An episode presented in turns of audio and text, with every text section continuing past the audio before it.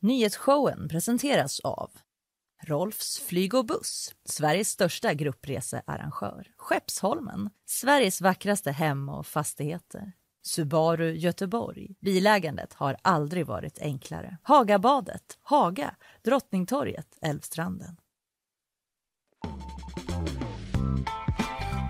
Hej, halloj, god morgon och allt detta. Och det är så mycket idag så att jag håller på att koka över. Så I vanlig ordning har jag knappt mer än sagt hej till dig Ina. Hej Kalle! Jag är van vid det här när jag kommer in på onsdagen att jag ser din fokuserade ryggtavla hukandes över en dator, klippandes ut ett ljud. Ja. Det är ingen fara. Ja, men jag börjar ju eh, scrolla igenom nyhetsflödet så hittar jag någonting. Bara, det ska vi ha, det ska vi ha, Ja. det ska vi ha. Sen bara, just ja, det här ska vi ju ha också. Det är ju det viktigaste av allt. Och så Det är klipparglädje det. Ja, underbart att ha dig här i alla fall. Idag ska vi snacka om en himla massa grejer och jag kommer snacka bland annat om det som dominerar nyhetsflödet i mångt och mycket den här morgonen, nämligen elpriser.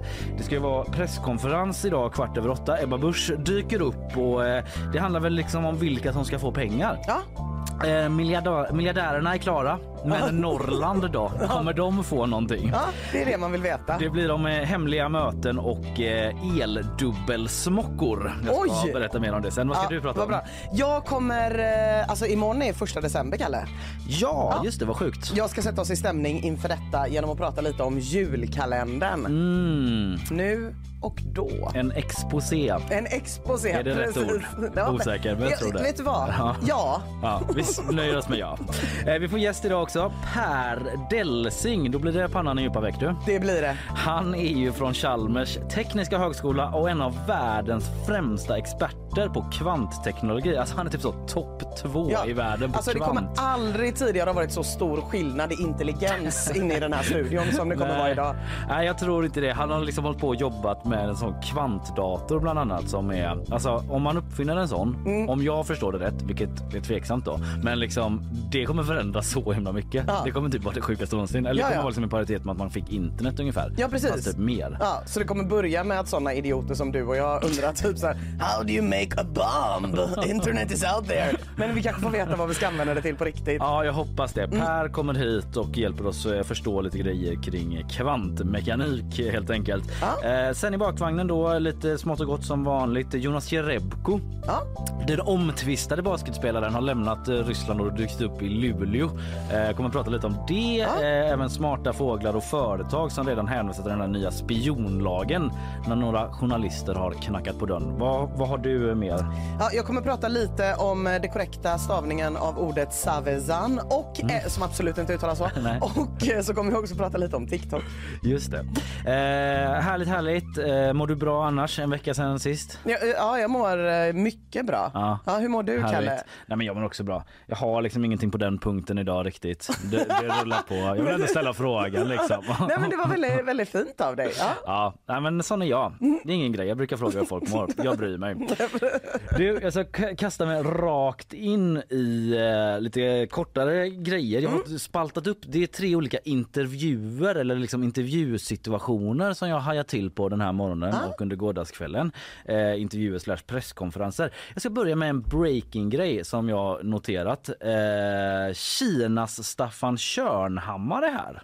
Just det, och nu ska man ju ha Staffan Körnhammar, vem det är, top of mind. Ja, jag tror att alla i Sverige vet vem det är, men inte vid namn. Men Mm. Nej. det är ju han Norrtäljepolitikern som var tyst. Åh, den tyste politikern. Känd även från Ja, Idolfinalen. nej, jag, typ. jag, tycker det är stopp, jag tycker det är slut nu. Vad känner du? Ja, men jag tycker det är slut, men det tycker de inte i Kina. För där har Zhao Lijian, förlåt för uttal eventuellt, men han är talesperson för kinesiska UD. Han har gjort en Körnhammar nu Nej. och eh, dessutom slagit tystnadsrekord.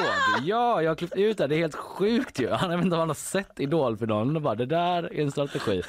I can do better. Ja, för han Staffan var ju med där. Jag vet inte om du såg det som något spoof Jo, jag såg det, men jag var tvungen att stänga av efter Mm. 10 sekunder på grund av skam. Ja, samma här. För jag var inte alls, tyckte inte alls det var så himla kul, typ att det är så himla, någon sorts dystopi liksom att alla kommer undan med allt bara man Ja. bjuder på sig själv. Typ. Ja, det är- så jävla skönt. Typ. Stämningen på Twitter i mångt och mycket var så, fy fan vad skönt. Typ. Kingen, Man får, ändå, man får ändå ge honom, man får ändå ge honom.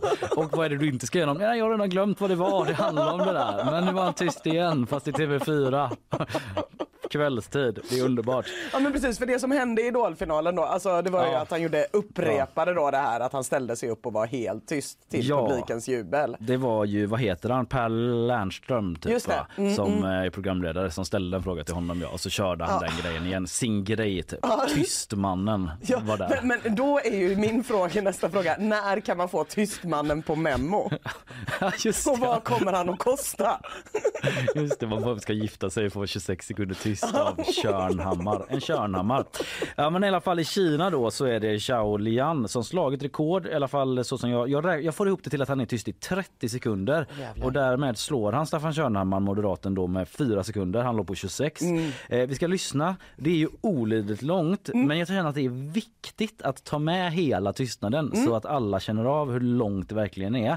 Så bara säga att det är liksom en fråga först på engelska, eh, en reporter på Reuters och sen tolkas den till kinesiska. Sen kommer den här tystnaden då och sen så svarar han på kinesiska och så tolksvar så man liksom fattar vad det som pågår. Här kommer det. Var beredda. Det här är liksom ja, strax över 30 sekunder. Given the widespread display of anger and frustration at the uh, zero COVID policy in recent days across China, 近期 um, 中国国 is 内出现了 China 对 thinking about 清 ending 零 it, 政 and if 策 so, 的 when? 不满，你对此有何回应？ Nu börjar officiellt tystnaden. Han står vid ett litet podie. Man känner inte tystnaden för att jag voicear den lite grann här, men lite måste jag säga ändå. Ja. Han tittar i papper.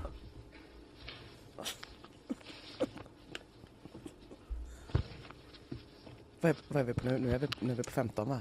Ja, ja, vi, ja kanske halvvägs. Eventuellt.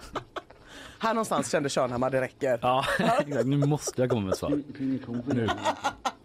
Could you repeat the question please? Could you repeat the question please? är det han säger då efter 30 sekunder. Så han eh, har Körnhammar beat där ändå. Ja, ja, det får man säga. Kinesiskt kommunistlugn ändå och kommuniststress kanske. Ja, det får man säga.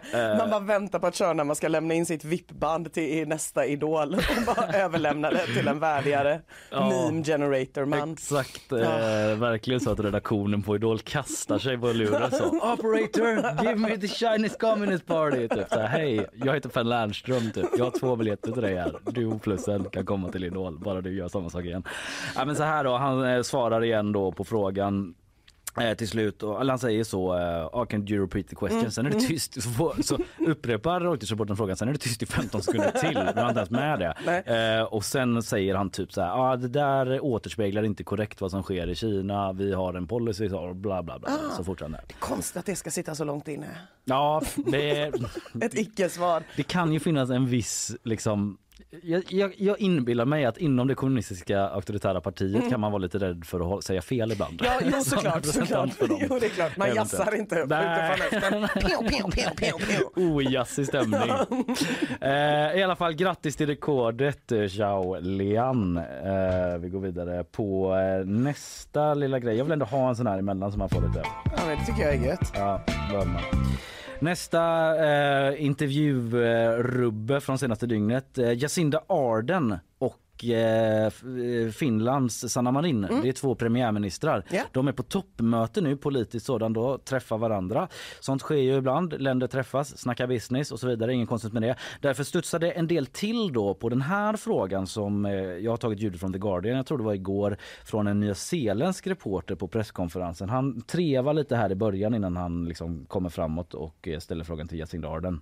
Uh, Prime Minister Ardern, Joey Dwyer from News Talk ZB here. Um, yeah, a lot of people will be wondering, are you two meeting just because you know you're similar in age and you know got a lot of you know common stuff there? You know, when you've got politics and stuff.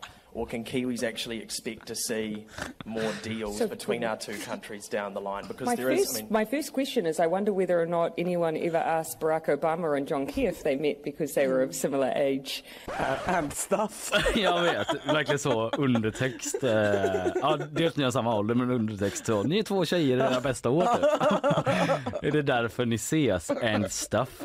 Eh, ja, så han blir sen lite roastad typ den här reporten. Det fortsätter så här. Because two women meet. It's not simply because of their gender. Yeah, we are meeting because we are prime ministers. of course. Ja. Och sen när Marin fortsätter sen så här, alltså vi är här med, vi, Finland är här med sin business delegation typ. Eh, Det är jättekonstigt att hon ska behöva säga det. Ja det är jättekonstigt, det är jätte, jättekonstigt. Men jag blir ändå lite tveksam, för jag vet att jag är lite konspiratoriskt lagd. Ja. Jag vet det. Men jag tänker ibland när det är så här stand-up komiker som lägger upp så himla bra när de burnar någon i publiken så Mm. tänker man var den där häcklaren inhyrd? Jag förstår ja. Mm, Just det. Att Var den här kiwin inhyrd? det är ett feministiskt power move, konspiration. Är, ja, det, det är, okej, förlåt jag har varit för mycket på Flashback. Gå vidare. När du sa det så, när du sa det så Kalle så kände jag nej, Ja, det, det att de hände på skulle riktigt. planterat den här reportern som, han presenterade sig roligt också. Ja, Ja men ja just det och då bara kan de slamma honom Mm. och säga så här, hade du ställt samma fråga till en kille typ. Men ja jag vet inte, det är i alla fall lite, lite knäppt att det är de lite- får den Det, frågan. det, det är sjukt.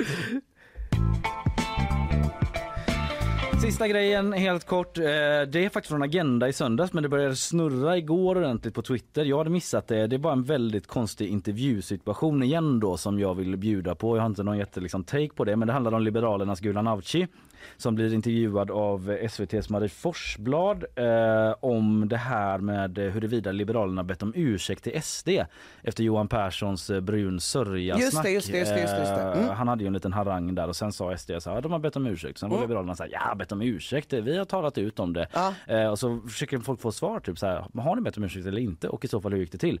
Eh, och då försöker Marie Forsblad ställa frågor till Gulan Avci om det, Liberalen alltså, eh, riksdagsledamoten. Och det blir liksom någon sorts surrealistisk stämning om vad som just sagts, alltså där och då i stunden. Eh, vi lyssnar här.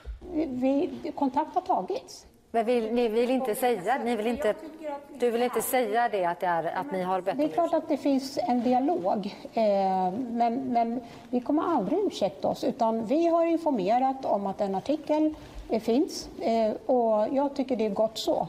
Ni kommer aldrig ursäkta er, säger du. Nej, det sa jag inte. Jag tänkte precis att du sa det, vi, har, vi kommer aldrig ursäkta oss. Eller hörde jag fel? Vi kommer aldrig ursäkta oss för att vi är liberaler. För att vi är liberaler. Ja, det är ingen som har frågat ifall ni har bett om ursäkt för det. Väl, eller? Har ni bett om ursäkt för att ni är liberaler? Det är ingen som har sagt. Ja, men det är väldigt märkligt just att hon säger att vi aldrig kommer be om ursäkt och sen eh, det, det vi hade en sån grej med Magdalena Andersson för ett tag sedan när hon också var så, det är inte det som är frågan. Typ Nej. att Göran Auken körde, jag har inte sagt det. Fast du sa ju precis det. Ja. Det blir väldigt märkligt ju. Det blir svinkonstigt. Det gör ju att man känner lite släktskap med eh, det kinesiska kommunistpartiet. Att man är lite så här, åh, det kan inte vara så stora konsekvenser av att bara säga precis vad du sa. Nej. Upprepa det du precis sa. Nej, det är en jävla dans som Liberalerna dansar här Mm. runt vad som sägs och inte. Det fortsätter lite grann, jag måste ta lite till bara för att Marie Florsblad hon eh, liksom plockar ju upp eh, den här konstiga stämningen och försöker reda ut det. Ja, Jag blir lite snurrig ut för att du säger å ena sidan vi kommer aldrig ursäkta oss för att vi är liberaler, vi kommer aldrig be om ursäkt och sen så säger du att det är en definitionsfråga vad som är en ursäkt. Ja, eh, om andra uppfattar det som en ursäkt, men jag tycker det hör till god ton att ändå ha den här dialogen. Eh, och eh, SD har lagt det bakom sig, det gör vi också. Ja, Det är väldigt svårt att hänga med. Nej, det är helt obegripligt. Ja. Det går ju inte. Man får göra någon sorts eh, B-uppsats Ja. i retorik och försöka analysera det här Ja, men man innehållet. undrar ju liksom bara, varför är ordet ursäkt så otroligt laddat? Eller Ja. jag förstår ju såklart varför Ja. det är otroligt laddat. I det här fallet Ja, i det här fallet. Men, Men- en dialog, liksom, att man bara ska använda ord som inte, ja det är så sjukt. Ja, så vi har påtalat att ett avtal finns. Ja, det är väldigt märkligt. Eh, Det är surrealistisk stämning. Eh, De fortsätter dansa den här dansen som sagt. Det är också så att när den här intervjun pågår så sitter Göran Aucis pressperson, Ja. antar jag att det är, eh, bredvid. Det finns väldigt många memes på när hon är typ så här, du vet fyra bilder hon är så eh, Först lite glad, sen lite så förbryllad och sen bara nej. Nej. Vad är det som pågår? Get me out of here.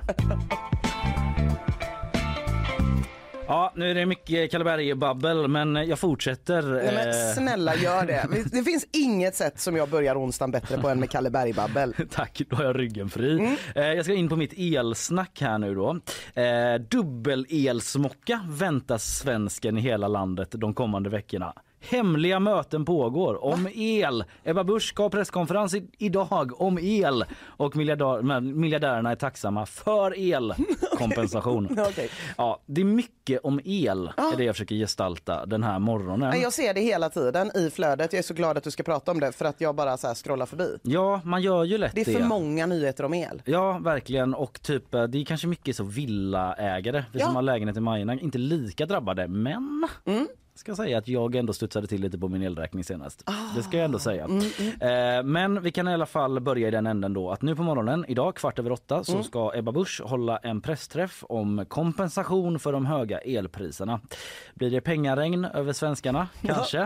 Eh, det kommer att bli mer information kring var vi är, en uppdatering om vad som händer framåt, så säger pressekreteraren för Ebba Busch, eh, Andia Gemsjö. Eh, Så det är lite vagt. Ja, det får man säga. Men eh, vad som sker framåt ska de Ja. prata om i alla fall.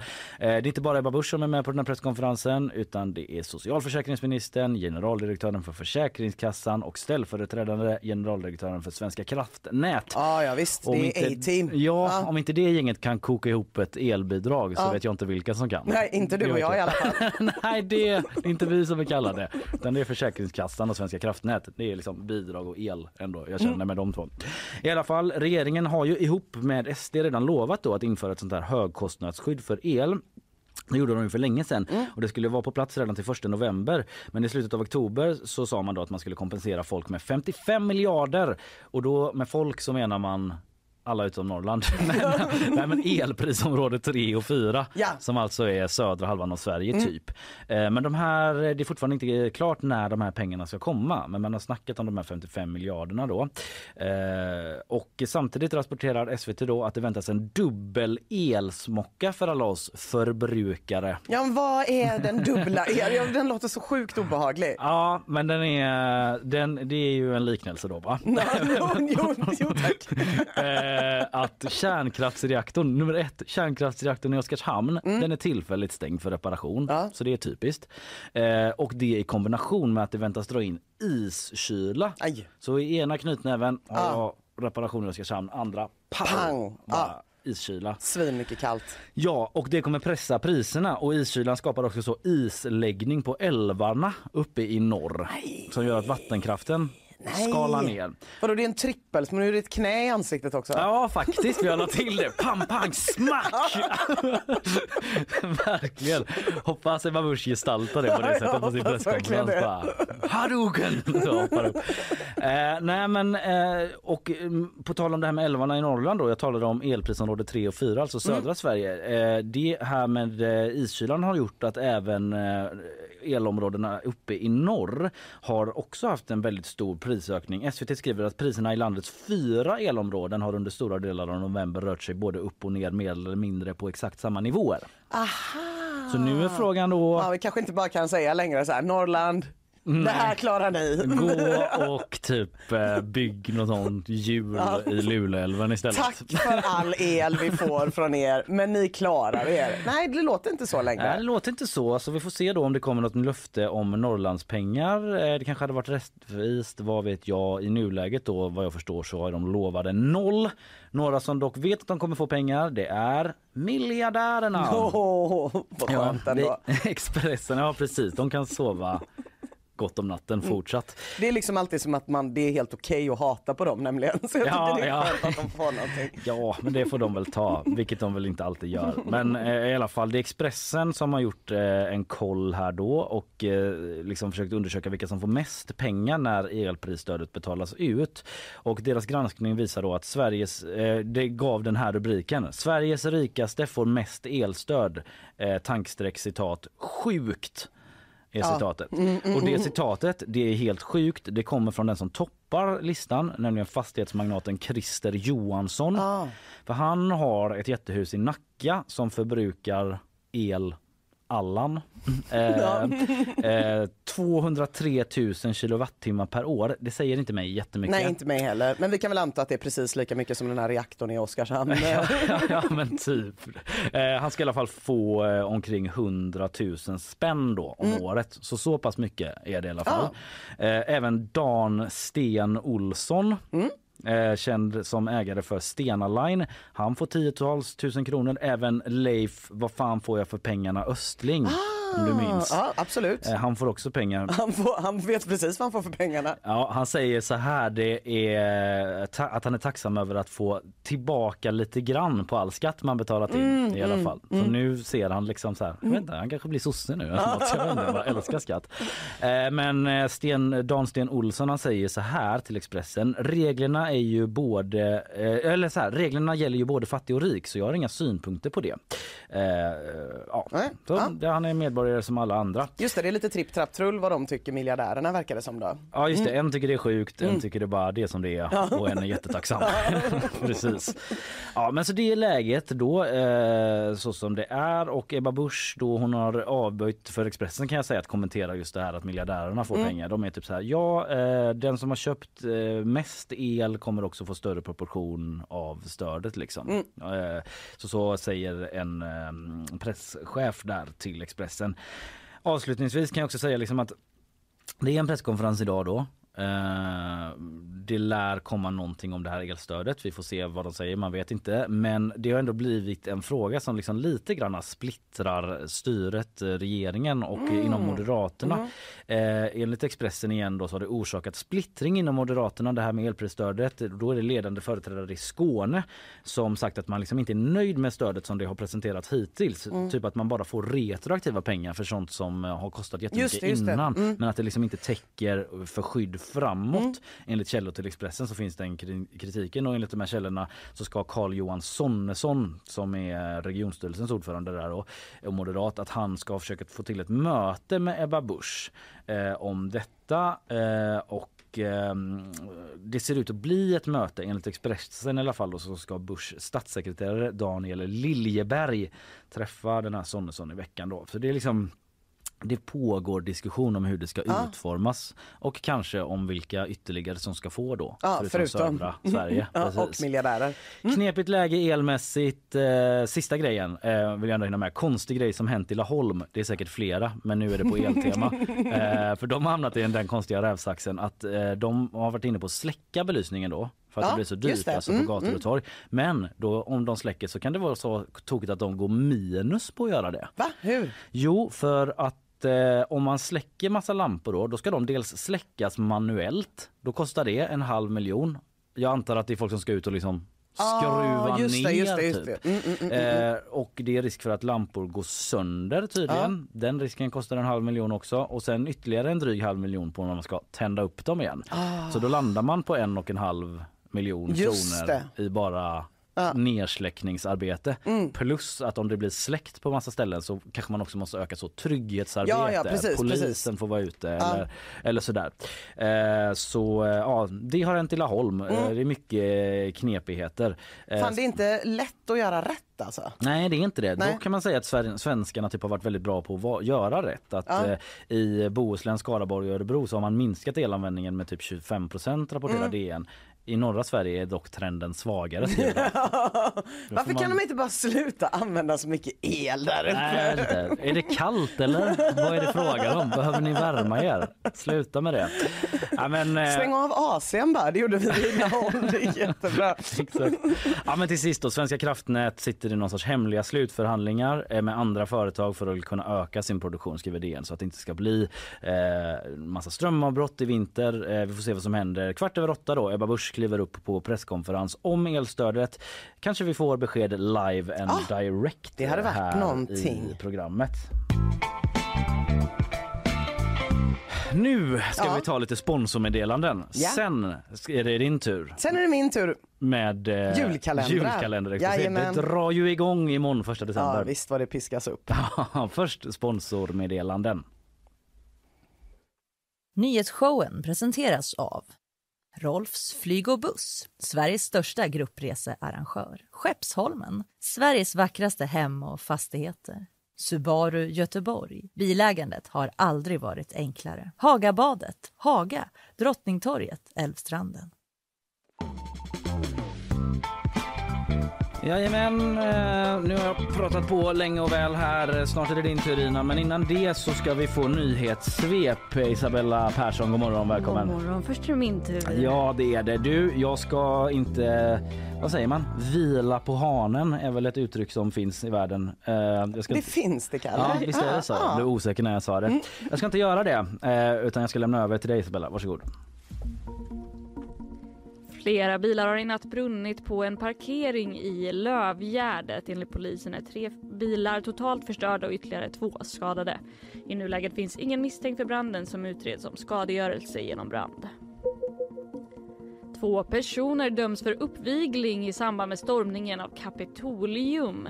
Det är extremistgruppen Oath Keepers grundare Stuart Rhodes samt ytterligare en medlem som döms.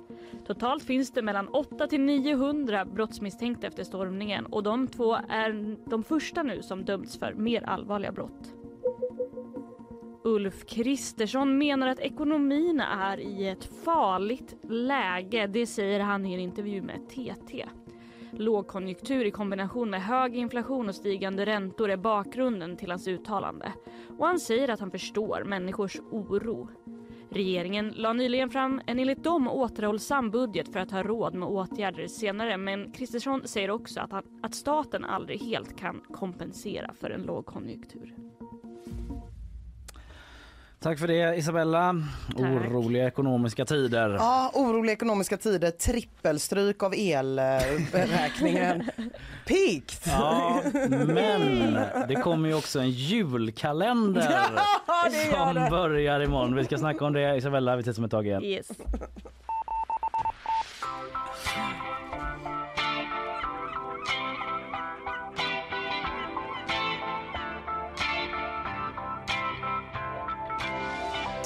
Ja, vi ska prata lite om julkalendern. Jag tänkte bara börja med att fråga hur många julkalendrar som finns i ditt hushåll, Kalle Berg. Oj, eh, i nuläget två men en till på ingång. Mm. Okej, Eller så är det en och en till på ingång. Ja, det är tv-kalender gissar jag. Nej faktiskt inte så kanske ytterligare en då. Det är en sån Petson bara för mina barn gillar det och så Ja. ska min mamma ge någon jag vet inte, någon mer traditionell tv Ja, eller jag ja. vet inte, någon annan och sen Mm. kanske det blir en tv då antar Ja. jag. Mm. Mm. Inga såna här presentkalendrar? Nej, Nej. det hade jag när jag var liten. Hade du det? Alltså min farmor var så en liten varje dag, Ah. typ kanske en nyckelring eller en tablettask eller så. Vet du vad, nu när du säger det Mm. så är det mycket som, det mycket som faller på plats. Du, du, ser, du ser ut som en person som har badat i din farmors kärlek Ja, från ung absolut, ålder. Ja, absolut. ja, det är väldigt fint. Ja. Eh, prylkalendrarna, eh, det är många som försöker hålla dem borta men de blir ju liksom vanligare och vanligare. Ja. Eh, det har också blivit jättevanligt i andra länder där man inte har eh, haft adventskalendrar innan. Jaså? Ja, så att det har blivit liksom en internationell grej att man har en advent calendar. Nej det heter advent calendar. Eh, Inte kalender men Mm. Calendar. calendar på det Ja. vanliga sättet då advent. Och så får de förklara i alla texter om de här vad advent betyder då. Jaha, för det och vet det inte folk. Är, för det är svenskt advent? Nej, eller? man firar det ju i eh, fler eh, kristna länder, men i norra Europa framför allt tror jag. Ja. Eh, Med de här fyra söndagarna och sådär. Ja, känns som det är kanske extra stort i Sverige. Ja, men själva Jag adventskalendern är ju liksom ett nordiskt fenomen Ja, ja, ja, i mångt och okej. mycket. Eh, Men prylkalendrarna har varit på ingång. Förra året hade vi en stor skandal kring det. Anmäld 25 gånger till Konsumentverket. Inte min Minst. farmor, va? Nej. Nej, Kalle, inte din farmor. Utan hela världens farmor, Bianca Ingrosso. Så har hon aldrig kallats och kommer heller aldrig kallas igen. En dag kanske, längre fram. Hon, har gjort, eh, hon gjorde en skönhetskalender förra året Mm. eh, som kostade 1795 kronor. Det är steep. Det är Ja. det. Eh, värdet sades vara 3595 kronor. Bianca var det då som var källa på att det här var värdet. Folk blev vansinniga, inte Mm. minst när de öppnade luckan där det låg en rabattkupong på 20% på ett köp på Biancas märke.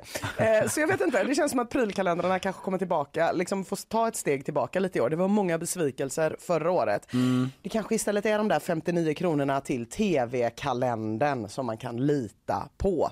Det är ändå den stora traditionen i Sverige och imorgon börjar tv-kalendern. Mm. Är du laddad? Eh, nej, om jag ska vara helt ärlig. Inte? Är Jag dina barn för små? Ja, de är lite små f- Mm. eh, tror jag faktiskt. Vi får Ja. väl ge det ett försök. Men jag har aldrig varit en sån där julkalenderkille i vuxen ålder. Vissa Nej. tycker det är för alltid jämt mysigt. Just det, just Även det. utan barn och så. Mm. Men där har inte jag hamnat riktigt. Nej, nej, kanske tack vare din farmor. Mm. Eh, årets julkalender eh, heter i alla fall Kronprinsen som försvann.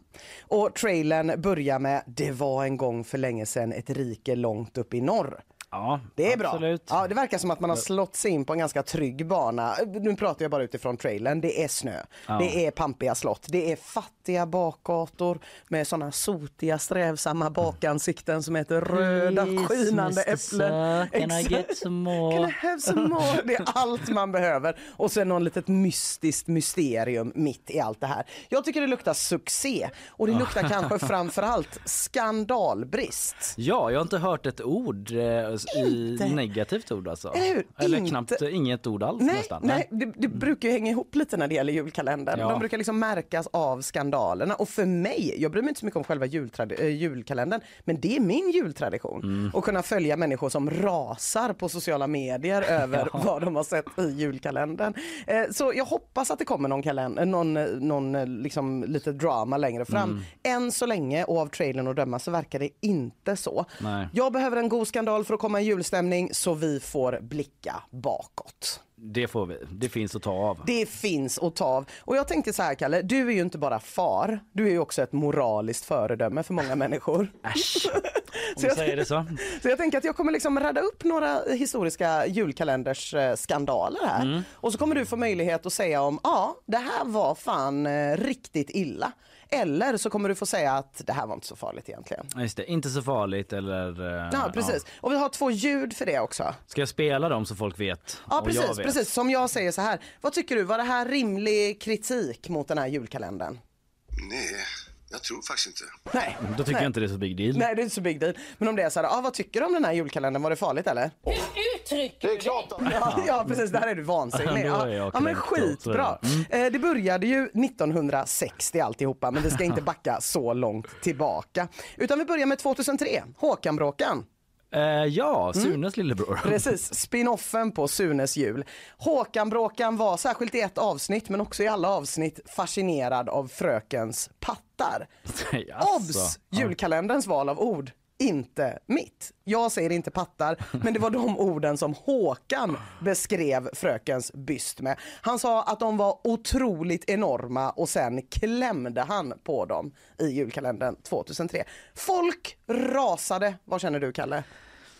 Hmm. Nej, jag tror faktiskt inte. Nej, Nej, jag tycker inte det. Nej. Det beror väl lite på inramningen. Ja, just det. Eh, Ja. det ja. Ah, nej, det var ju inte, det var ju liksom inte en main story arc. det här. Nej, nej det var att, det inte. liksom att han sexualiserar den. Som, låter som, mer som ett barn som jag vet inte säger något som någon vuxen Ja. du vet snappat upp. Jag vet inte. Ja. Att det är lite roligt kanske. Ja, men det var nog det som var Lite- Att ett tanken. barn säger något sånt. Mm. Det är roligt. Ja, men precis. Eventuellt. Och sen liksom. kanske vi är i paradigmskiftet här också 2003 från tiden när alla familjefilmer var tvungna att innehålla pattar eh, för att papporna skulle titta och att man slutade med det sen. Eh, det var jättekonstigt helt plötsligt. Man bara va? Det är borta. Okej. Eh, 2019 då, panik i tomteverkstan. Mm. Eh, där avslöjades det för alla tindrande barnögon där ute i ett avsnitt lite casually att tomten, han finns ju inte. Det är ju bara pappor som har kuddar på magen. Massa arga insändare från föräldrar vars barn trodde på tomten följde naturligtvis. Vad säger vi om det här då Kalle? Uttrycker Alltså, här, här jävlar avlossas revolvern. Ja, men jag tycker det är lite onödigt Ja, ändå. onödigt. Alltså hela adventskalendern och liksom jul för så här, är- adventskalendern handlar ju om julen för barnen Mm. och det är kanske är lite onödigt att bara liksom break, eller liksom öppna upp den dörren Ja, och ja. bara så här är det vara så jävla krass Ja, typ. Alltså jag tycker typ inte det är en stor skandal kanske men jag tycker ändå så här Håll lite på mystiken Ja. då, att den Mm. går emot sitt eget syfte. Mm. Men inte ha typ en sån socialrealistisk julkalender. Nej, Skeptikerförbundet göra sig icke besvär över tröskeln på jul. De behöver inte komma och vara så. Fast faktiskt ingen idé att vi lurar in barnen och massa Nej. myter. Nej okej, ja men fint, vad skönt. Då står det 1-1 än så länge. 2015 då, då var det tusen år till julafton. Kommer du ihåg den? Det var Lotta Lundgren och Erik Haag. Ja just det, det var som historieätarna. Det typ, var som historieätarna, det var samma kåta stämning som i historieätarna. Det var 19 anmälningar till granskningsnämnden. Framför allt för att det fanns barn som drack öl i Mhm. julkalendern, för det gjorde man tydligen på vikingatiden. Och att äh, ordet vuxenskönt användes i ett barnprogram. Vad säger du om det här då, Kalle? Nej, Ja, jag ja. tror faktiskt inte. Och, nej, ingen fara. Nej, för jag tror inte att det leder till att barn börjar dricka öl för det finns andra liksom, kontrollinstanser Mm. för att det inte ska ske. Just det. Och vuxenmys tycker jag är en okej omskrivning då. Ja, liksom- vuxenskönt. Ja, vuxenskönt. Ja, Ja, Det är okej. Det är väl okej. Ja, ja, ja, men fint Kalle. Nu, nu gör vi det riktigt intressant här. Mm. Nu backar vi till de gyllene skandalåren. Jag pratar såklart om slutet av 60 och början av 70-talet. Nu Wow. blir det åka av. Eh, 1969 då hade Tage Danielsson julkalendern Hercules Jonssons storverk. Mm. Eh, det var ett eh, liksom ganska chill, klassiskt småproggigt julkalenderprogram. Det var Per Olin illustrationer.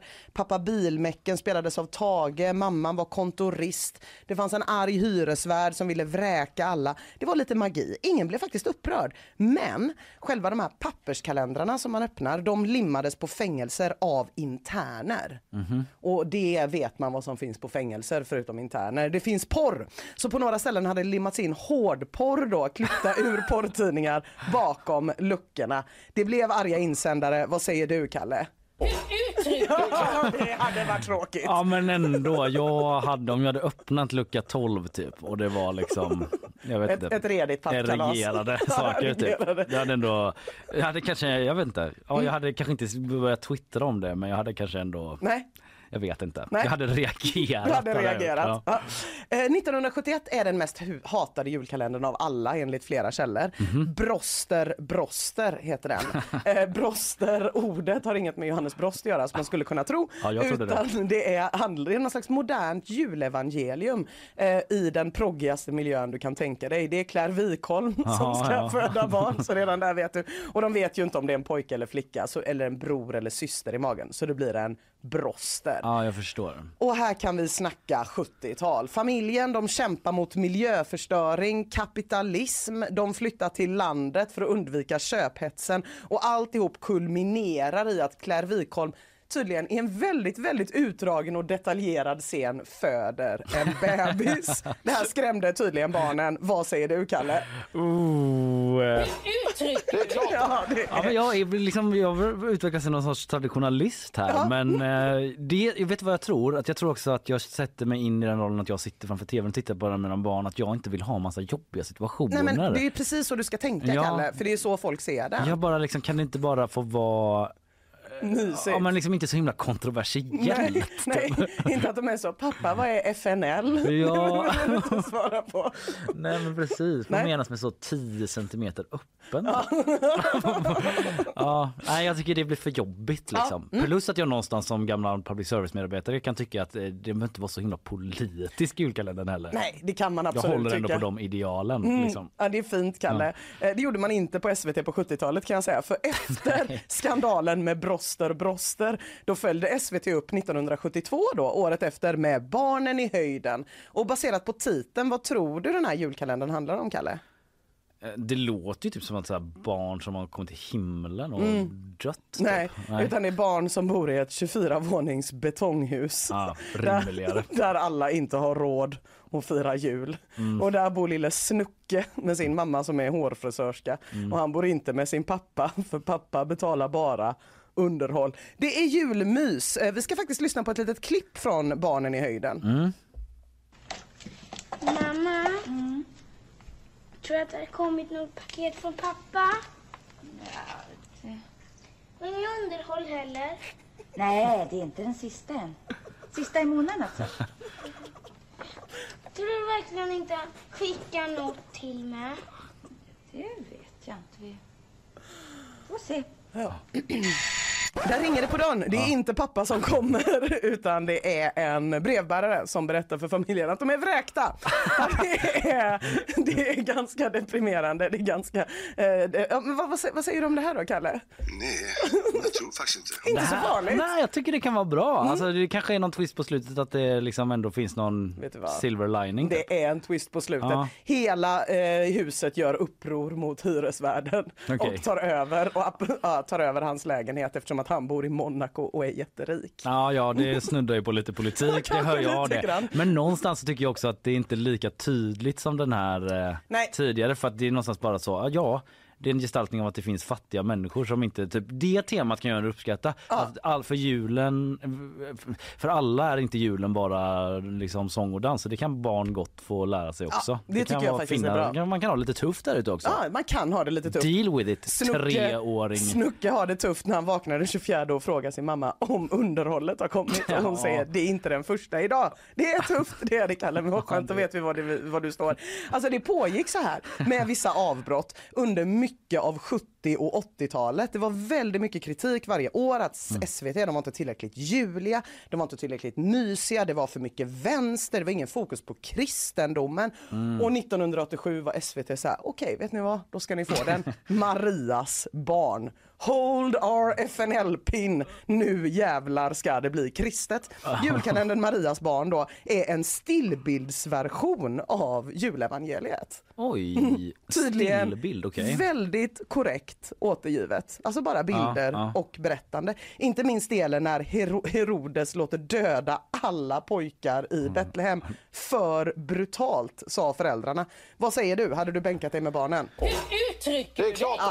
Hur uttrycker du dig Herodotes? Heter han? Nej, det tycker jag är lite väl. Eh, att man gör den här klassiska SVT-grejen att man låter pendeln svinga åt andra hållet. Exakt. kanske går för långt då. Ja, ja. Nej, men precis. Eh, jättebra att eh, du, jag, jag tyckte du svarade jättebra Kalle. Mm. Jag känner mig liksom trygg i att ta mig an årets julkalender i år. Jag hoppas att det blir en liten skandal i alla fall så att man kan komma i riktigt god julstämning. Mm, låt oss hoppas.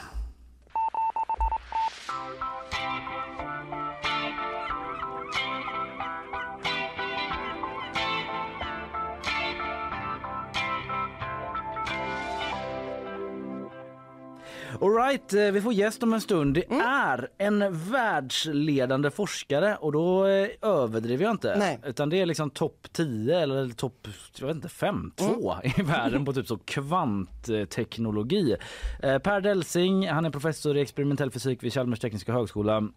Han har bland annat jobbat med en sån här kvantdator. Just det. Eh, dator, Dator. inte dator. Du ser hur bra det går. Isländska Eh, här på morgonkvisten. Ja, eh, om inte det är framtiden så säg Ja. det här med kvantdatorer. Vi ska försöka förstå det lite grann och eh, ja, snacka med Per helt enkelt. Typ, vem är han och hur fan kom han in på det här och är det möjligt att förklara för commoners like us Ja, typ, vad det är Det, det ser jag mycket fram emot att ta reda på. Jag med. Jag ser också fram emot att eh, ta lite meddelanden från våra sponsorer. Nyhetsshowen presenteras av Rolfs flyg och buss, Sveriges största gruppresearrangör. Skeppsholmen, Sveriges vackraste hem och fastigheter. Subaru Göteborg. Bilägandet har aldrig varit enklare. Hagabadet, Haga, Drottningtorget, Älvstranden. Just det, så är det. Per Delsing kommer in här i studion alldeles strax. Professor i experimentell fysik vid Chalmers tekniska högskola. En av världens främsta experter på kvantteknologi. Vi ska snacka kvantdatorer till exempel. Vad kan det innebära för världen vi lever i? Det pågår ett jävla race om vem som kan uppfinna den första vettiga liksom. Precis. Vissa snackar om den nya månkapplöpningen. Glöm det! Ja, det är din mammas gamla Kvantdatorslöpet. kapplöpning. Ja, exakt. Eh, så är det verkligen. Eh, Vi släpper släpper in Per och eh, vilar på jingeln lite, tar lite kaffe och sådär. Häng kvar en 30 sekunder så hörs vi.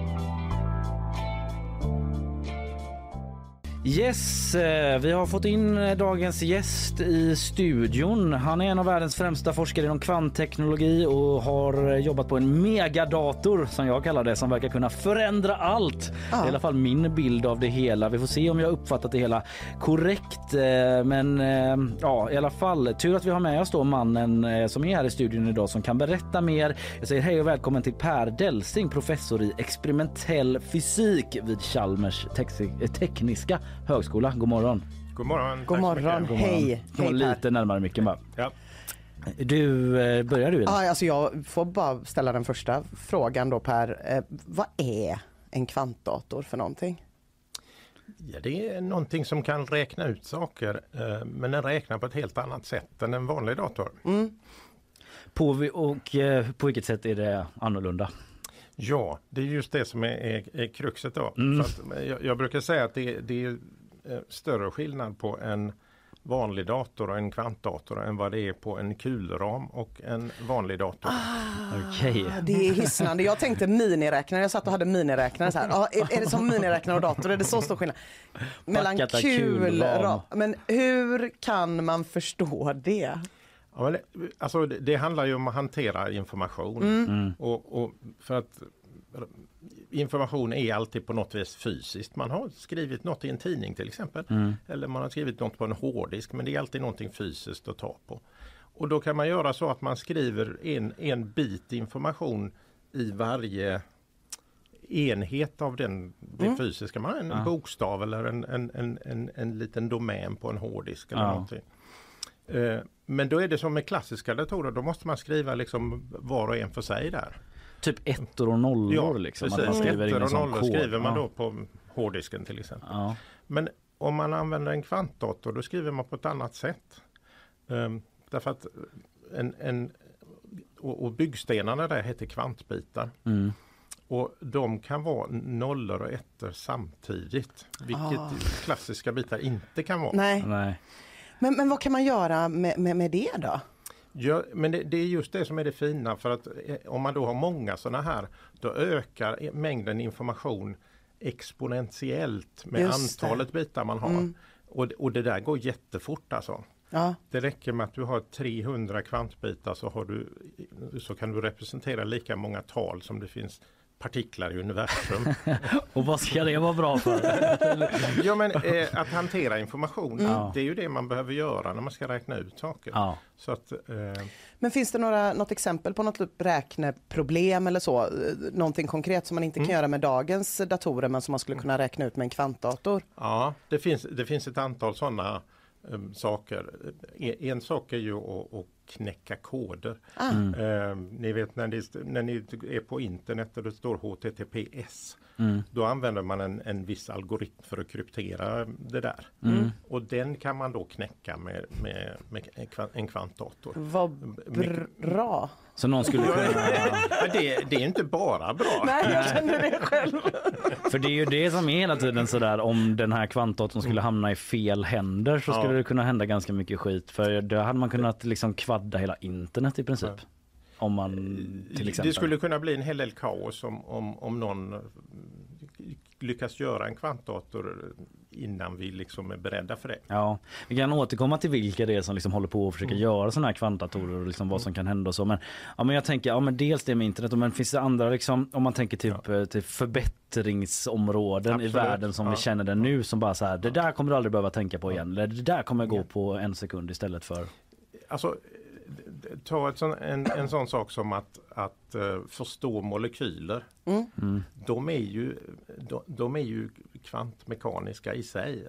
Och då är det bra att ha en kvantdator om man ska räkna på det där. Ja. Hur, de, hur de beter sig. Till exempel om man vill göra ett läkemedel eller om man vill göra en, en katalysator eller någonting som, som, som kan göra något, Ja. något bra då.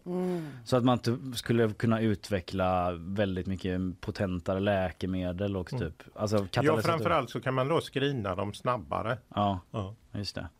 Jag tänker på en, jag nämnde det kort för innan här, en tv-serie då som heter Devs. Mm. Eh, Men det är bara sådär, det den är liksom sci-fi men de kan ju vara ganska bra ibland på att visualisera någonting som är väldigt komplext. Och jag fattar att det här är väldigt överdrivet men i den ungefär är det så här att de har uppfunnit en kvantdator och så har de matat in jätte, jätte, jättemycket information i den och då i den här serien så kan den, eftersom den kan hantera all den här oändliga datan, förutse utifrån sannolikhetsteori exakt vad som kommer hända i framtiden. Typ så här, jag kan säga Per när du kommer dö. Jag kan också blicka bakåt utifrån någon sannolikhetsprincip och se, se exakt när Jesus dog på korset, vad som hände då.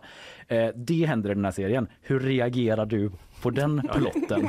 Det är ju intressant för det tar då inte hänsyn till att, att eh, det finns inbyggd slumpmässighet i Ah. världen. Jag tror de tar upp det på något sätt men jag kommer inte riktigt ihåg det. Så, så, så, så att det där kommer man inte kunna göra, inte ens med en kvantdator. Nej. Nej, vad synd. Nej vad skönt! Ja, eller ja, vad skönt Kalle, det var det. jätteskönt. Jag känner mig mycket, mycket lugnare nu faktiskt. Eh, Men eh, får man eh, fråga lite om riskerna också kanske? Alltså hur, hur skulle en person eller stat eller ett företag som vill sabba grejer riktigt illa kunna sabba grejer med en kvantdator? Ja men tänk dig att det sitter en, en, en, en, en, en nörd i, en, i ett garage och bygger sin egen kvantdator. Ja. Mm. Eh, Alltså vi överför ju pengar på internet och, och liknande med sådana här koder. Om man då kan knäcka de koderna då kan man eh, kapa åt sig en del pengar. För då skulle man eh, i och med att det går så snabbt då kunna knäcka liksom alla världens bankkoder på Eh, Nu är ju inte sådana transfereringar är ju inte det, de går ju ganska fort ändå. Ja. Och Mm. Så då har man ändå ganska lite tid så det är inte, det är inte de första koderna man kommer att knäcka. Nej, Eh, okej. men, men, men generellt sett så, så är det ju ett problem att man eh, om, om någon har en kvantdator och ingen annan vet om det Ja. då, då kan det gå illa. Är det någon som har en kvantdator idag? Ja, det, det, det är det. Eh, Vi har en på Chalmers till exempel. Hur Eh, bra är de liksom? Alltså, de är ännu så länge inte så jättebra. Eh, alltså, eh, man har kunnat visa att, att vissa saker kan man göra som en vanlig dator inte kan göra. Typ vad då? Ja, eh, eh, man, det är ett hittepå-problem som man har löst. Mm, okej. okej. Eh, Ett som, som, matematiskt som, ingen, som ingen är glad ingen blir glad för att man gör det. Men Så det är ändå, man måste ju ändå bli glad att det funkar. Ja absolut. Ja. Det, vis, det visade ju att, att det är någonting som funkar. Ja, ja. Men du sen- sprang inte ner till korsvägen och bara Eureka. Nej. men men, eh, men det, det, finns, eh, det finns ju kvantdatorer runt om i världen på, på ett antal ställen Ja. eh, av olika grad. Då. Men, eh, så nästa steg här det är ju att göra någonting som både är bättre än en vanlig dator men också någonting som är nyttigt. Ja. Så att göra Ja. båda sakerna samtidigt. Ja, det tycker jag låter så bra. Ja. Vad kan vara liksom ett första nyttighetsområde? Jag har läst om liksom logistikkedjor, att det är ett sånt där fält som man... Ja, det är, ett, det är ett sånt område där man tror att kvantdatorer eh, ska vara bra och, och, och göra någonting. Mm. Därför att där är det ju så att man har ett ganska begränsat eh, man, en begränsad beskrivning av sitt problem. Mm. Lå, låt säga att du har eh, 100 flygplan och du har 100 destinationer och 100 eh, besättningar. Mm. Och så ska du kombinera dem på något vis. Mm. Och då finns det väldigt många kombinationer man kan göra. Mm. Eh, alltså mycket, mycket mer än antalet partiklar i universum. Ja. Så det går liksom inte att räkna ut kostnaden för var och en av dem och kolla vilken som är billigast. Nej. Det går helt enk- enkelt inte. Så då måste man hitta på något smartare. Ah. Och det är den typen av problem som en, en kvantdator skulle kunna lösa då. Och hitta, kanske inte det allra billigaste, men något som är bra mycket billigare än det man har som bäst idag. Mm, okej, ja. Så op- optimeringsproblem kallar vi det då när man, när man ska göra så bra som möjligt. Men nu blir det lite så att jag eh, spekulerar och fabricerar ihop ett scenario så kan du liksom säga om det liksom är helt tokigt eller inte. Men när jag tänker på kvantdatorer då och att det går så himla snabbt att räkna ut jätteavancerade problem och sådär att det öppnar upp såna jäkla oändliga möjligheter för allting annat. Kommer vi liksom så här vad kan det innebära för typ energikrisen, typ elbilar? Alltså, vad är typ det största drömscenariot du tänker på när du sitter och jobbar med det här? Ja men eh, alltså scenariot ser ganska bra ut om du jämför, alltså om du tittar på hur mycket energi som dagens datorer eh, gör av Mm. med. eh, Så är det ju eh, jättemycket. Mm. Det är ju en hyfsad andel av, av jordens energiförbrukning och den växer stadigt. Mm. Eh, Så att det måste vi ju göra någonting åt. Ja, och, och där skulle faktiskt kvantdatorer kunna hj- hjälpa till och göra saker. Det kommer inte, kvantdatorer kommer inte ersätta eh, vanliga datorer. Nej. De kommer alltid vara kopplade till en vanlig kvantdator. Ja. Eller eh, förlåt, vanlig, vanlig klassisk dator. Ja. Men kommer liksom den typen av kvantteknik då hjälpa oss att kunna bygga ännu... Alltså jag tänker på liksom så här mänsklighetens stora utmaningar, Mm, typ mm. klimatkrisen. Mm. Kommer den kunna typ effektivisera våra kärnkraftverk eller elbilar? Eller förstår du vad jag menar? Ja, liksom? alltså det, det finns eh, eh, när, när, vi gör, eh, när vi gör konstgödsel Mm. så använder vi väldigt mycket energi. Mm. Men det går att göra det. Naturen kan göra det. Mm. Eh, Men vi vet inte hur naturen gör. Ah. Utan vi använder väldigt mycket energi för att göra det här istället. Så att om vi kan då simulera hur naturen gör det här, då skulle vi kunna spara väldigt mycket energi. Det är ju skithäftigt. Ja men det är det verkligen Ja. och det är så himla konkret också. Ja. Att man tänker typ att, eller ja, om som en lekman så är det lätt att tro att allting är avmystifierat. Vi vet precis hur allting funkar. Om vi har kvantdatorer då kommer det bli att vi kan bo på Mars. Det är ofta så i alla fall min hjärna funkar och säger så här, nej men vi kan förstå hur naturen gör gödsel. Ja, Bra! i och med att man kan gå in på sån extrem Ja. molekylnivå och så. Mm. typ återskapa den processen i, i något, på något sätt. Mm. Okej, men Chalmers har en dator. Liksom, är det andra? Det, är det liksom multinationella företag? Google håller på vet jag. Är de andra också schyssta? Lika schyssta som Chalmers. Ja, ingen är ju så schysst som Chalmers. Eh, nej men det är en blandning faktiskt av, av eh, bland annat då stora företag som Google, IBM och Amazon och Mm. Alibaba. Och, Mm. Ja, ja. eh, Många av de här stora företagen eh, ha- har en, en, en satsning på kvantdatorer. Eh, men sen finns det också då satsningar på forskningsinstitut eller på, på universitet så, så som vårt till exempel. Då. Mm. Men jag läste att IBM, för du pratade innan om att liksom 300 sådana här kvantbitar, bara där kan man då, det var någonting motsvarande där, typ alla partiklar i hela universum. Så. Ja, just det. Eh, men att IBM säger att de har byggt en dator med 433 kvantbitar. Mm. Eh, det låter ju som är de klara här nu eller? Eller, Eller skryter de bara? är det sant? Eh, Ja men alltså de har ju gjort någonting bra Ja. och, och, och de skryter också. Ja. Så det är väl svarar jag på båda frågorna. Ja. Men vad kan den datorn göra då om de redan är uppe i så många bitar liksom? Alltså, eh, det, en, en sak som är viktig här det är ju också, det, det är inte bara hur många kvantbitar man har som är viktigt. Nej. Det är två andra saker som är viktigt också. Det är hur många operationer man kan göra på de här kvantbitarna eh, innan de dör. Jaha, de dör? Ja, Ja, eh, man, kan, man kan lätt återuppliva dem igen men, Mm. men man kan inte köra vidare i en kvantberäkning längre än ett visst, eh, visst antal eh, operationer. Ah, okej. Och, och, och det är viktigt då och den behöver, det behöver man få så långt som möjligt. Mm. Och då finns det någonting som heter eh, felkorrigering som vi har i våra vanliga datorer. Och, och så finns det något som heter kvantfelkorrigering som är betydligt svårare. Det låter som att man får upp typ så här en miljard sådana små fönster så bara. Det har blivit ett fel. Din dator kommer tvångsanslutas. Man bara klick, klick, klick. ja. Eh, men, men om man kan göra sån här felkorrigering då kan man eh, då kan man köra såna här operationer. Då kan man köra mycket, mycket mer operationer. I princip skulle man kunna köra oändligt länge eller ja, Mm. tills man är färdig med, med sin beräkning i alla fall. Eh, och det är ett stort steg att ta och där är vi ju inte än. Nej.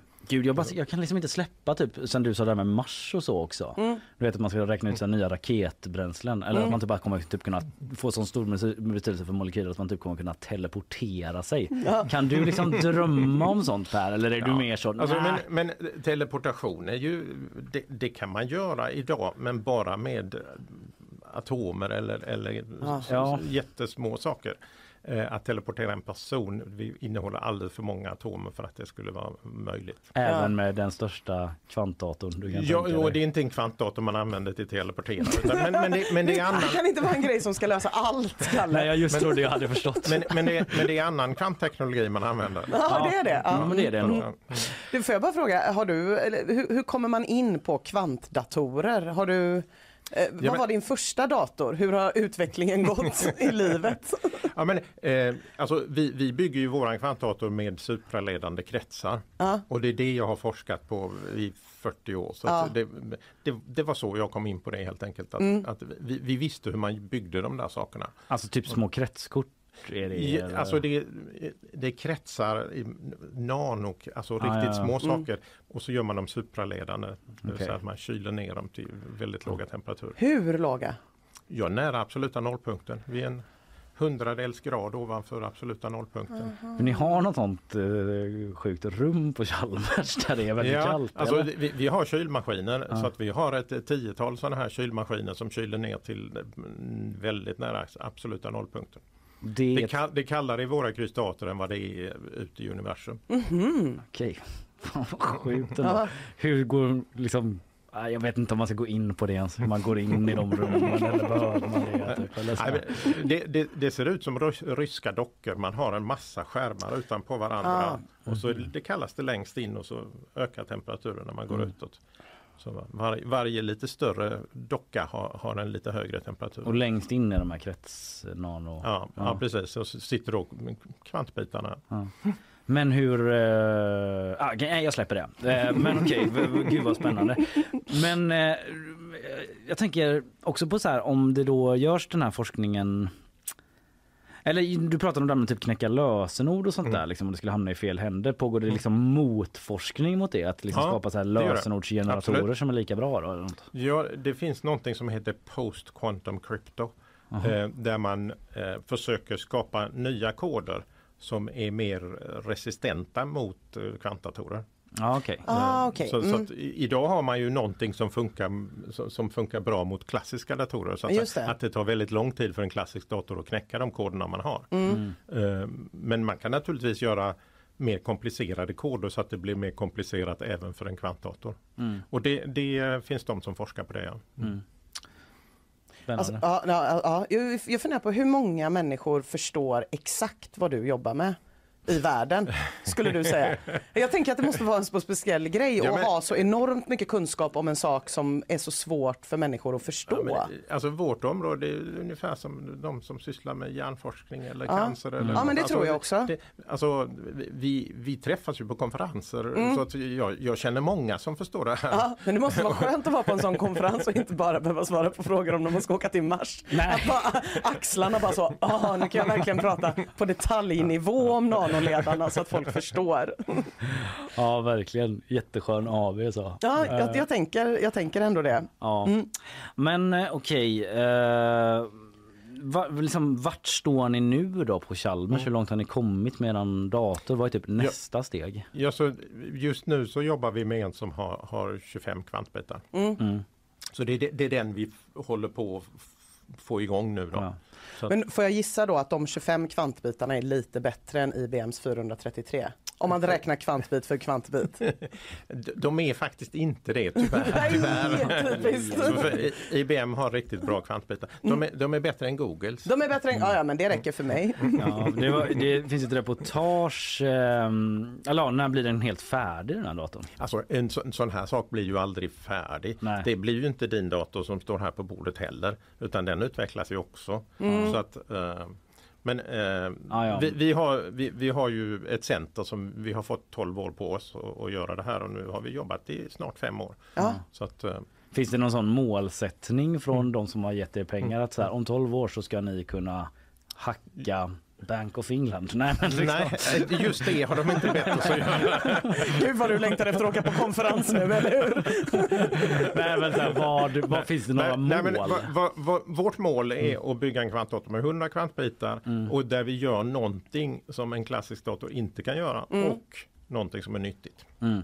Mm. Och någonting som är nyttigt. Okej, Ja, så att det ja. räcker inte med det här problemet som ni hade lyckats lösa hittills då? Nej, okej, ja, det, var, det var Google som löste det. Ja, det var Google. Men, ja, ja. Just det. Mm, Men det är alltjämt att testa mm, liksom, olika matematiska problem typ. Att Det är det man Ja, jobbar med och, nu typ. Och man måste ju förstå att vi, vi har ju inte haft någon kvantdator förut så vi vet ju inte vad som är bästa användningen för den.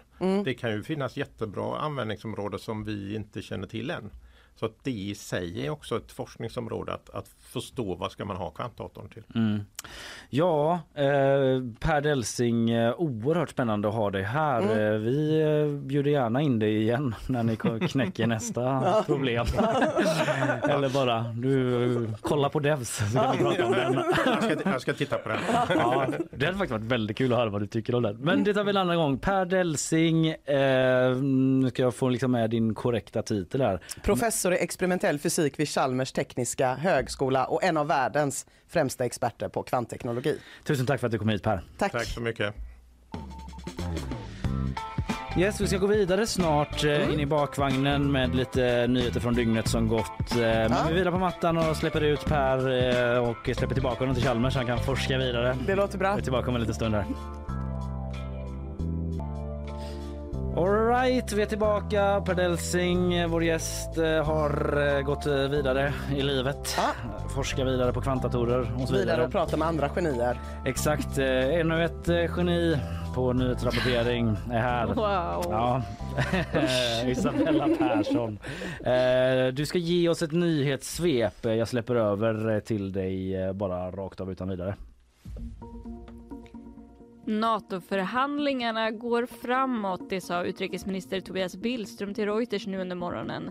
Det pågår just nu ett möte med NATOs utrikesministrar i Bukarest där förhandlingar för Sverige och Finlands planerade inträde diskuteras och Billström menar alltså att det sker framsteg. Ulf Kristersson menar att ekonomin är i ett farligt läge, det säger han i en intervju med TT. Lågkonjunktur i kombination med hög inflation och stigande räntor är bakgrunden till hans uttalande och regeringen säger sig nu skapa förutsättningar för framtida ekonomiska åtgärder. Samtidigt säger Kristersson att staten aldrig helt kan kompensera för en lågkonjunktur. Västlänken kan bli 320 miljoner dyrare. Det konstateras efter en rättsprocess där företaget Infranord, som kom på tredje plats i en upphandling om tågtunnlar, menade att de två övriga inte uppfyllt kraven som ställts. Och förvaltningsrätten går nu på företagets linje, vilket innebär att de får ta över uppdraget. Men det leder också till att notan blir högre. Men troligtvis är sista ordet inte sagt och det fortfarande finns flera ärenden hos förvaltningsrätten om projektet som planeras starta sommaren 2023. Ja, det Mm. ligger väl i sakens natur kanske, men har ett sånt byggprojekt någonsin hållit budget? Jag, inte att någon ska svara på det, men... eh, Jag, jag kan svara, svaret är nej. Ja, det är väl det ändå, va? nej men jag, jag hade satt pengar på nej faktiskt. Ja. Ja. Samma här. Men eh, det blir uppfriskande, det blir lite ny Västlänken-vrede här i stan. Ja. Eh, Livar om. Mm, precis, eh, piggar upp. Eh, vi ska ta lite sponsormeddelanden innan bakvagnen. De kommer här. Nyhetsshowen presenteras av Rolfs flyg och buss, Sveriges största gruppresearrangör. Skeppsholmen, Sveriges vackraste hem och fastigheter. Subaru Göteborg. Bilägandet har aldrig varit enklare. Hagabadet, Haga, Drottningtorget, Älvstranden.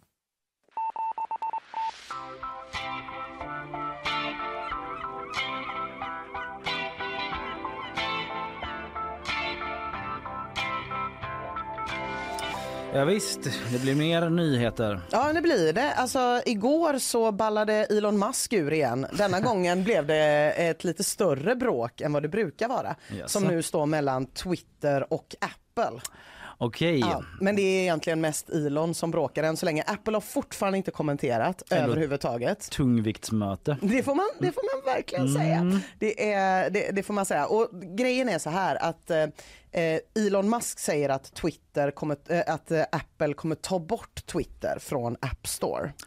Ja, jo, det har jag sett rubrik om. Mm. Eh, och det betyder ju i princip att människor som har iPhone väldigt sällan kommer installera Twitter. Ja. Eh, det kommer ju bli en jättestor skillnad. Och han skrev också igår på Twitter att Apple has mostly stopped advertising on Twitter. Do they hate free speech in America? Frågetecken. Eh, Apple har inte svarat.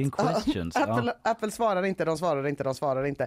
Men det håller på att eskaleras en konflikt då helt Ja. enkelt. Och då kan man ju tänka så här, men det är klart att Apple inte kommer säga nej till att ha Twitter på App Store. Det hade ju varit idiotiskt. Men grejen är att Apple är rätt hårda med att ta bort grejer ur App Store. De tog bort Fortnite för Jaså? två år sedan som är en otroligt, eh, var en otroligt populär spelapp. Så Ja. att eh, man ska nog inte underskatta deras eh, känsla av att de kan göra vad fan de vill heller. Nej, de har the set of balls on Apple. Mm. The de gör vad fan vad nej, de vill. Nej, ja, precis. Ja, och, och, och, och åt båda håll egentligen. Ja. Så det känns som att någonting kommer gå åt helvete i detta. Men exakt vad, det får jag återkomma till. Ja det får du, det får du verkligen göra. Det, det händer ju så mycket där med eh, Twitter. Jag såg någon annan nyhet i morse också om att de eh, Ah, jo men eh, fan nu tappade jag det. Men liksom att de, eh, jo eh, Twitter mindre säkert under mask sådär att det liksom Ja. det kommer tillbaka massa användare som har varit avstängda och liksom att de har sparkat så mycket folk och det här så det är liksom svårt att hålla Precis. uppe Det är mycket av säkerheten. säkerhetsavdelningen och i och med att du, anledningen då att Apple skulle ha Ja. slutat annonsera på Twitter är ju att eh, det är så många, det, det går inte att kontrollera Nej. längre ifall, så att det inte blir massa hate speech och det inte blir massa lagbrott och det inte bara är massa bottar som pratar med varandra. Det är det som är grejen. Eh, ja. Så att, det, Mm. så att det, det, finns en, eh, ja, det finns ju många företag som har sagt nej till att annonsera på Twitter nu och Elon, he's not happy about that.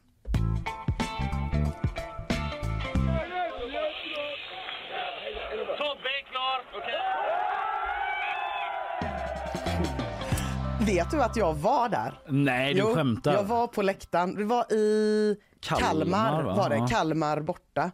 Eh, stod på läktaren, det ösregnade eh, och eh, Glenn hoppar upp på räcket och skriker Tobbe är klar! Och jublet som var då var ju enormt. Ja. Eh, och sen så var det ju liksom, eh, ja man hade smartphones då ja. Mm. För det var ganska snart, det tog ju bara typ en halvtimme tills man kunde läsa typ, jag fattar inte vad farsan håller på Nej, med. det var inte klart. Nej. Sen fick jag faktiskt sitta bredvid Glenn i bussen på vägen hem. Sen, ja, det var väldigt trevligt. Jätteblött var det. Han, stod, han, han, han satt inte så mycket vid mig, han stod mest längst fram och berättade gamla anekdoter ur sitt fotbollsliv med en mix. Så det var en, en toppen dag. Ja, det låter helt underbart. Wow, vilken... eh, Vilket konstigt skryt, men ja, det är ett skryt. Ja, det är nog ett ikoniskt Göteborgsögonblick. Det är det. Tobbe det, är är det. klar. eh, ja. Eh, men du, eh, jag ska på tal om sport då. Mm, Jonas Jerebko, eh, han är ju Sveriges bästa basketspelare. Kanske genom tiderna. Jag är ingen basketexpert. Nej, men, men, eh, eh, återigen här känner jag att jag kan säga tvärsäkert ja utan att riktigt veta. Ja men eller hur, Mm. han har ändå spelat i NBA Ja. och varit jätte, liksom, bra där borta. Men nu spelar han ju i ryska ligan. Mm. Inte så långt efter eh, den ryska invasionen av Ukraina så gick han och skrev på för CSKA Moskva. Mm. Som ju i grunden också är ryska militärens lag. Ja. Ja, eh, så han har väldigt, varit väldigt eh, omtalad efter det. Han har ju till exempel blivit eh, utesluten från landslagsspel. Eh, och eh, ja, till exempel. Men nu då så var det att han dök upp bara häromdagen i eh, Luleå. Luleå. Han var sån här Jaha. matchbollsleverantör. Oj! Det låter typ som att han har en fabrik som gör basketbollar. Men, Nej, men någon han kom slags- fram så. Ah. Här är matchbollen. Eh, vi kan lyssna lite på eh, hur eh, det lät när han kom in där bara.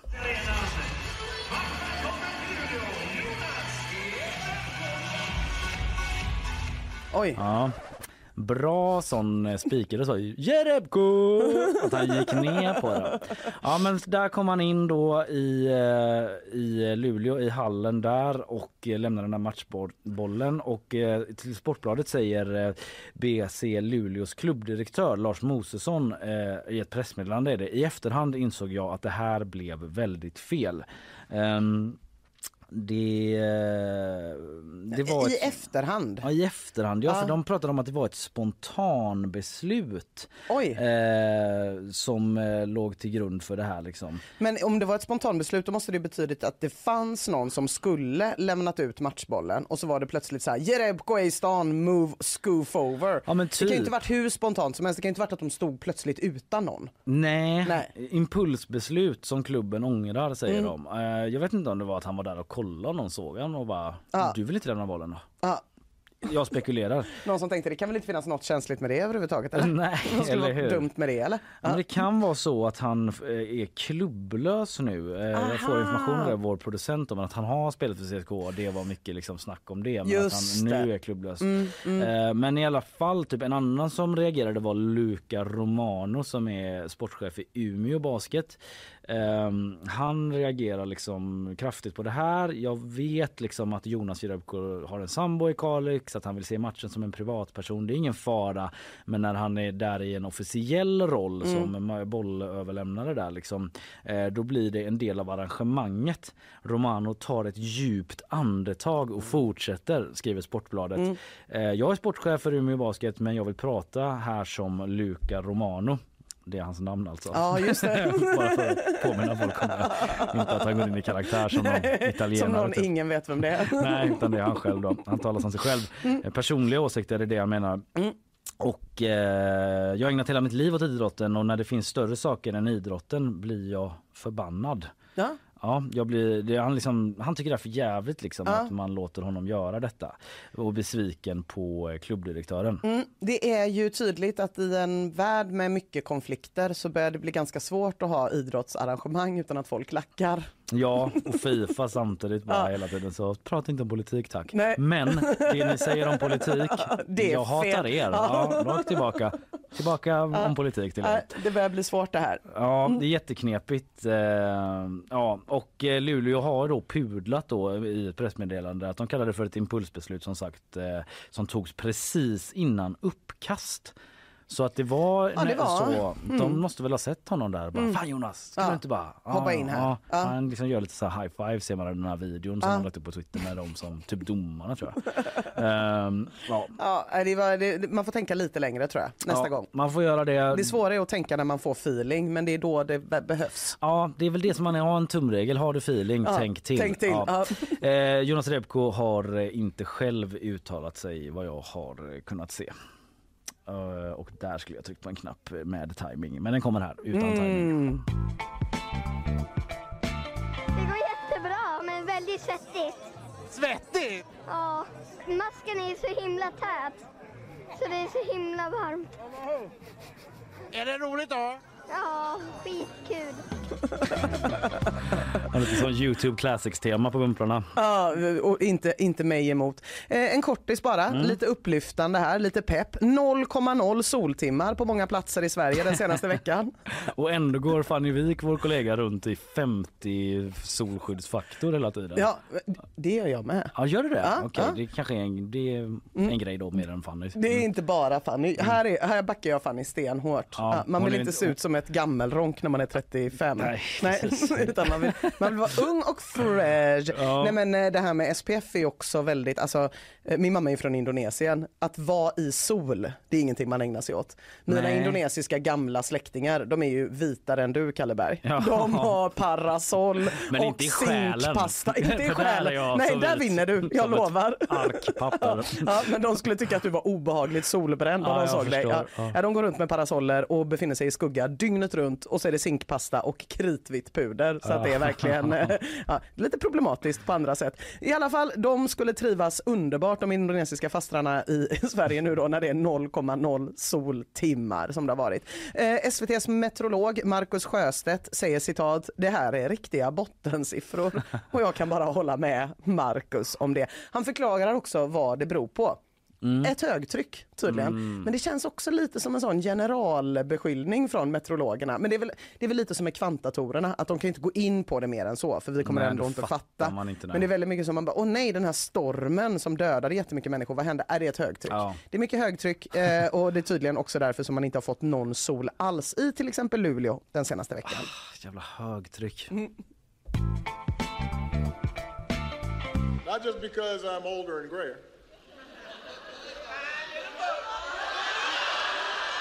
I don't know if y'all heard that. Said I was so fine. I, I'm not. I'm not. I'm not going to tell Michelle you said that. Although Michelle does agree. Ja, säga vad man vill om Obama men han är ju rätt kvick ändå. Han har ett munläder. Det har han. Eh, En annan liten kortis här. Kinesiska rymdfarare har anlänt till rymdstationen. Vilken rymdstation är det då? Jo, det är den som heter Tiangong eh, som är den kinesiska rymdstationen. Eh, De är uppe där nu. Det kommer nyheter om det under morgonen här. Tre taikonauter. Så heter ju astronauter i Kina. Ta- ta- Taikonauter? Ja. Ja. Kosmonaut i Sovjet Ja just det, kosmonaut i Sovjet. Ja, Ja, och taikonaut där. nytt ord, Ja. tack. Ehm, de har dragit upp dit. Fei Junlong återvände till rymden för första gången på 70 17 år tillsammans Oj. med två kollegor. Så han var Ja. där uppe för 17 år sedan och nu är han där igen. Mm. De ska lösa, ett, eh, lösa av tre personer som finns ombord Ah. eh, som återvänder till jorden i december här då. Och det är alltså det första eh, personalombytet som Kina Nej. gör. Det är någon sorts rekord här eh, eh, i omloppsbana. Det är första gången man byter personal med någonting i Just det. omloppsbana. Mm, mm, mm. Även, eh, de Oh. genomförde även sitt första personalombyte i en sån iPhone-fabrik precis. Nej, jag skojar. det, var, det var någon sorts satir. Det var satir. Om den made sense. Ja precis, ja, det var, det var, det var, det var en grym satir men jag är med. Nej, men, eh, syftet med expeditionen är att de här rymdfararna ska montera upp nya moduler på Mm. rymdstationen så att de får plats med fler. Ja, jag vet inte, det är en ganska ehm, en kort ehm, en kortis om det men eh, Kina är där uppe i alla fall liksom, och eh, jobbar vidare på sin rymdstation. Ja. Vi har ju varit inne på den här månkapplöpningen som pågår. Liksom så här. Ja. Det händer grejer i rymden. Det hände alltjämt. grejer. För ett år sedan så kändes det som att det bara var olika miljardärer som raceade Mm, mot mm, rymden. Men nu hur? är länderna också sugna på att vara med. Ja, Kina med i matchen. på under en minut. Det låter snabbt. Det är snabbt.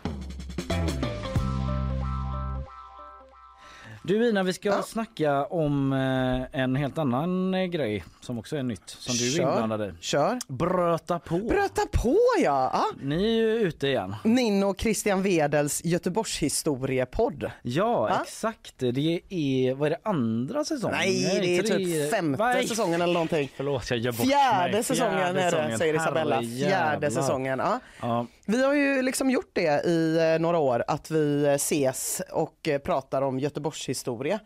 Eh, för, alltså Christian kan, vet ju väldigt mycket om Göteborgs Mm, historia. han är ju sån göteborgiana liksom expert. 100 procent. Ja. Det är väldigt trevligt att gå på stan med Christian Wedel för han Ja. har en berättelse om varje gatuhörn. Jag gillar det. Musikhjälpen-bössa? Frågetecken. Gå på stan med Christian Weder. Ja.